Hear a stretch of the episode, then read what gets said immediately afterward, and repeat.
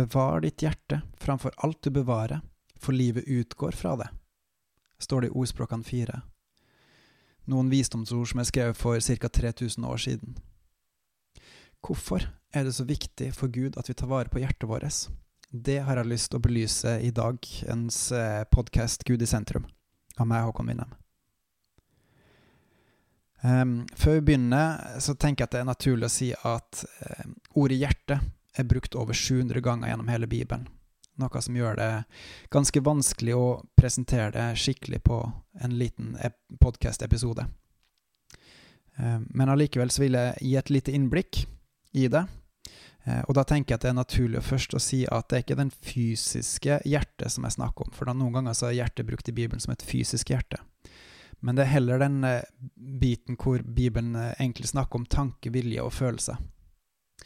På den tida så man ikke, hadde man ikke begrepet hjerne. Eh, og så tenkte man rett og slett at siden hjertet var livet for kroppen, at det var den som ga liv til hele kroppen, sørga for å holde kroppen i, i live, så var det også der tanken, vilja og følelsene kom fra. Bare for å gjøre det litt mer avansert, så kan jeg vel også legge til at når eh, Bibelen bruker ordet sinn eller sjel, så det er også av og til et annet ord for hjerte, og av og til så er det et ord i tillegg. Men det vi altså skal ha fokus på i dag, det er hjertet som i tanker, vilje og følelser. Alt som skjer oppi hodet. For å få fram poenget mitt i dag, så har jeg lyst til å bruke et eh, eksempel fra her på jorda. Og da har jeg lyst til å snakke om et ekteskap. Fordi ekteskapet, det er en gave fra Gud, og han vil at de som vil gifte seg Det er jo ikke alle som har lyst, eller alle som bør gifte seg, men i hvert fall de som eh, vil gifte seg. Da er det en gave fra Gud hvor han har ordna til det sånn at vi kan holde sammen for livet ut, og da ha en trygg, god og rik eh, relasjon som gir styrke, tar vare på hverandre, og som er der hele tida mens vi lever sammen her på jorda. Det er rett og slett et gode. På samme måte som også faktisk sexen er en gave fra Gud. Men den er ikke fri. Den er, har ikke frie tøyler. Den hører hjemme innenfor visse rammer når den skal være en god sex. Um, noen ganger, allerede fra tidenes begynnelse, så er det sånn at ekteskap har gått eh, virkelig skeis. Og da har det blitt snakk om skilsmisse. Moses, Jesus og Paulus omtaler skilsmisse. De åpner opp for det, ikke fordi at de vil at vi skal skille oss, det er, heller, det, det er jo heller tvert imot, men fordi mennesker har et hardt hjerte. Gud vil altså å si at det beste er å være gift, når man først er blitt gift, og da skal man ikke skille seg. Og Derfor så burde det også vært sånn i Norge i dag at den, kristne, eh, den generelle regelen for kristne er at kristne bør ikke skille seg. Det finnes noen unntak. Det finnes noen ganger hvor mennesker gjør så mye ondt mot hverandre, enten fra den ene parten eller begge to, eller at man ikke følger opp det man skal gjøre. Og da er det greit å skille seg. Legg merke til at det er ikke fordi at Gud vil det, men det er fordi at menneskenes hjerte er hardt. Det er fordi man gjør ondt mot hverandre, at man åpner opp for det. Er man derimot i et ekteskap hvor ting begynner å kjølne, at eh, man ikke føler like sterk varme, tiltrekning, eh, hengivenhet eh, i hverandre, mot hverandre, eh, så er det faktisk mulig å redde ekteskapet dersom man har et ikke-hardt hjerte da er det faktisk mulig å finne sammen igjen. Det er langt ifra lett, og samtidig så er det viktig å påpeke at det er mulig. Det krever et villig hjerte. Det krever at man er villig til å forandre seg, tilpasse seg, svelge kameler, altså godta at man kan ikke alltid få det på den de måtene man vil ha det. Og også godta at man ikke alltid får viljen sin fordi det er bedre å være sammen enn alene. Fordi man har lovt hverandre, samfunnet og Gud, at man skal holde sammen til døden. Veien kan være tung lang, og samtidig, hvis man finner tilbake til den første kjærligheten, så vil man med sine mjuke hjerter kunne finne en felles vei. Og NB, NB, ingen mennesker er perfekte, derfor så er det heller ingen ekteskap som er perfekte.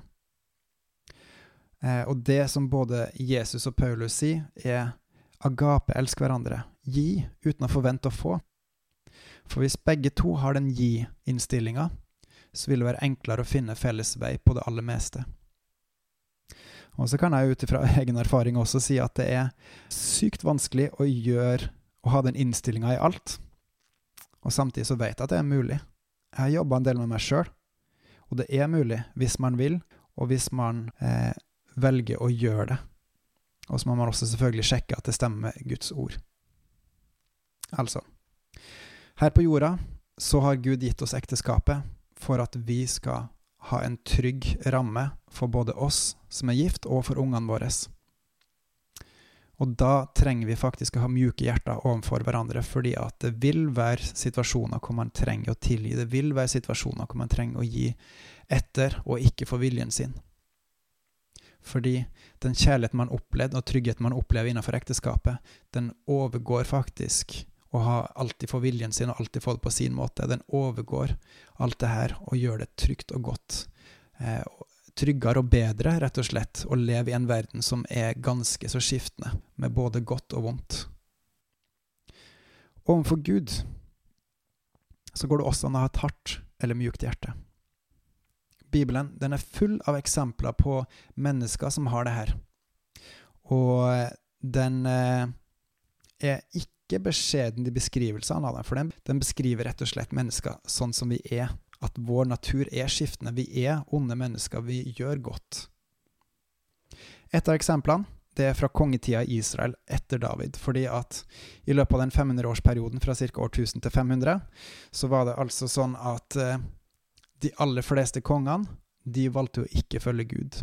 I nordrikere Israel så var det ingen av kongene som valgte å følge Gud, og de laga seg faktisk også to nye gulkalver. Eh, mens i Sørriket så var det en del av kongene som eh, valgte å følge Gud. Ikke ett og alt, men i hvert fall hadde et hjerte for Gud. Eh, og spesielt en av de, kong Yoshia, han fikk min oppmerksomhet når jeg nettopp leste i andre krønikebok. For i kapittel 34 så står det når han kom eh, til makta som åtteåring, og så skriver det livet hans videre der. Um, og da beskriver de annet når han finner lovboka, altså Moseloven, og omvender seg. Og da er det sånn at eh, når han oppdager at Når han får lest opp den lovboka og skjønner hvor mye både han og kongene før han, folket før han, har synda mot Gud, så velger han å flere sine klær og vende seg til Gud. Da står det også at han sender noen folk som går til ei profetinne, som var kona til en av de som jobba på Slottet. Og beskjeden han får tilbake, er at nettopp fordi at Israelsfolket har synda så galt mot Gud, så fortjener de straff, og den vil komme. Men fordi at kong Yoshia sitt hjerte ble mjukt når han fikk høre loven, og han ydmyka seg for Gud da han hørte alt det som Gud hadde befalt dem, i forkant, men som de hadde bare ignorert fullstendig. Så skal han slippe å se en ulykke som skal, egentlig skulle ha kommet over eh, Judariket, Sørriket. Så det er et eksempel på hvor en av de som eh, har muligheten til å kjenne Gud, og som fulgte han, og som faktisk på et senere tidspunkt vendte om til Gud fordi han fant ut at man virkelig lever langt, langt vekk ifra Gud med livet sitt. Så kong Yoshia han fulgte Gud, han hadde et eh, hjerte for Gud, og så oppdaga han lovboka, Moseloven, og så omvendte han seg fullstendig, eh, som må tyde på at han må ha gjort noe enda mer, at han har tilhørt Gud, for han var etter Guds hjerte, men at han faktisk ennå ikke fulgte Gud i ett og alt.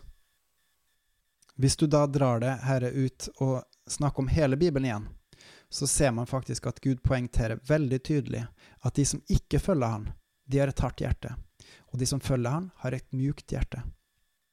Og Hvis du går videre inn i Nytestamentet også, så snakkes det om et fornya sinn, og det snakkes om at hvis vi tar imot Gud, hvis vi venner oss til Gud, åpner hjertet for han, hvis vi omskjærer oss på hjertet, ikke på kroppen, men på hjertet, så vil Gud ta bolig i oss, og han vil jobbe med oss og forandre hjertet vårt gjør det at vi blir eh, får mer av hans kunnskap og visdom i oss, og følge han og ære han og tilbe han, og vokse med han, både at vi skal gjøre noe, og at han vil gjøre noe i oss.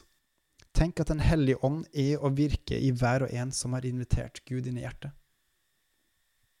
Hvordan har dette relevans for i dag?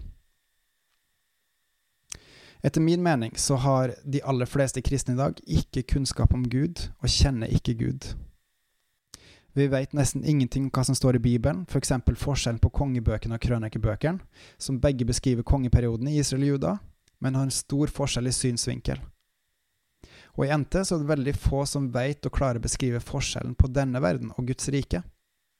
Rett og slett fordi vi har så lav bibelkunnskap at vi knapt nok kan noen ting om det. Vi har ikke lest noen ting om det, vi har ikke tenkt over det.